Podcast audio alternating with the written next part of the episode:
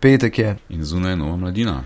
Že 16. po vrsti letos z mano je Borut Mekina, pisec teme in izpraševalec, pričevalec Izak. Košir Pozdravljen. in ne Jože Možina.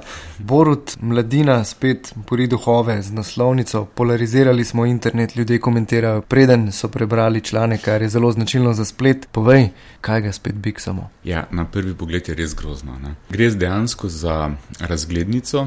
Staro razglednico, iz katerega leta je, mislim, da 38 eh, in sicer eh, vlasta Kopača, eh, študenta arhitekture, ki je to narisal, to naslovnico narisal pred torej, drugo svetovno vojno. To mu jo je malce adaptiral, sporočilo pa je res grozno. Ne? Sporočilo je, uh, gremo Slovenci, uh, grožnje so iz severa, iz juga, iz vzhoda in zahoda, uh, iz severa prihajajo kremplji uh, uh, nacizma, iz uh, zahoda prihaja ne? in tako naprej. Ne? Tako da si lahko to človek potem interpretira. A smo postali nova 24, ne? migranti prihajajo, treba reagirati, treba slovenci se skupaj spraviti. Ampak ja, ne, vse to je dejansko, to je dejansko slika, ki se zdaj projicira na Slovenijo. Tudi vlada to malce projicira, deloma je slika tudi, to pa je zdaj že gremo počasi k tekstu, dejansko resnična, kaže pa na to, da postajajo države vse bolj egoistične vse bolj egoistične, države so, zač so začele vse bolj razmišljati eh, samo na sebe in eh, se boriti ena proti drugi, in to opisujemo, boriti proti drugi na, celo na ta način, da grejo proti interesom sosed. In zdaj se je vprašanje, kaj storiti, kako reagirati. Ne? Tista reakcija, ki je ponavadi najbolj klasična, je, kupimo orožje in se pripravimo, oziroma tako bomo varni, kar pa je logično nepravilna odločitev. Ne. Pogovarjali smo se z uh, diplomati, ponovadi v takšnih trenutkih mora stopiti uh, pogovor v plano, diplomacija, uh, ki to zna takšne stvari reševati že stoletja.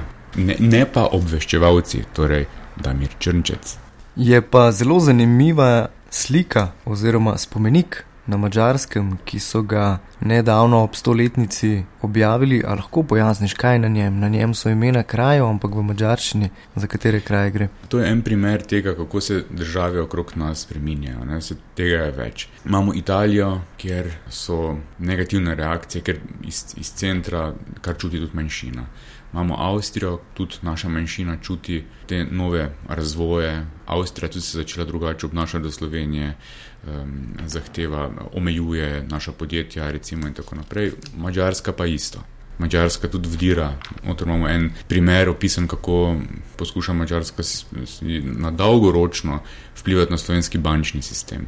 Slika, tista, kar pa je zanimiva od znotraj, je, tam so, na Mačarskem so imeli pred njihov, njihovim parlamentom ne, spomenike, ki so jih odstranili, te njihove stare uh, revolucionarje in tako naprej. In zdaj bojo pa naredili zid, ker bojo vklesali noter vse mačarske kraje. In to res vse kraje, kjer je kadarkoli mačarska bila, torej tudi slovenske kraje. Ne? To je nekaj takšen simbolen korak, kjer ti nekaj da uh, zamisliti. To je tema, ne? zraven je še, smo naredili še pogovor z Istokom Mirušičem o naših sosedah, diplomatom, ki na Ministrstvu za zunanje zadeve nekako zdaj najbolj iz te svoje bivše prakse pozna, kaj se dogaja, ker je bil bivši veleposlanik v Italiji in je bil tudi svetovalec za odnose s Hrvaško, tako da smo teze preverili še pri njem in to je to. Ne, ne izdajva vsega, Več naj si bralci in bralke preberejo v novi številki Mladine. V njej je tudi en zelo zanimiv tekst Marcela Štefančiča, ki piše o Julianu Assangeu oziroma o Wikileaksu, zakaj ga želijo zapreti za zapahe. Je pa tudi pomembna informacija, da je Marcel Štefančič trenutno že v Kanadi, kjer uh, mislim, da je na kavi z uh, Petersonom in Žižkom.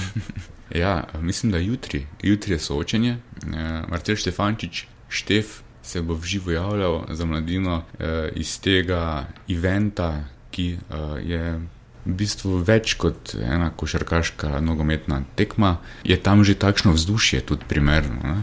navijaško. Toronto nikoli več ne bo enak. Povej, kaj si lahko še preberemo v novi mladini. Vse tisto, kar je razburjalo.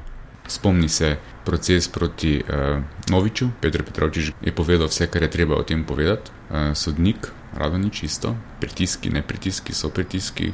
Tehnične ovire so še vedno na slovensko-hrvaški meji, Cerar jih je postavil, Šarec je obljubil, da jih bo omaknil, ampak jih še vedno ni, imamo pričevanja krajanov. In uh, imamo noter tudi velik intervju z Andrejem Simončičem, direktorjem Kmetijskega inštituta, o tem, zakaj ne smemo postati vegani. Si vegan? Bom raje zadržal to zase. Hvala, Borut. Hvala tebi.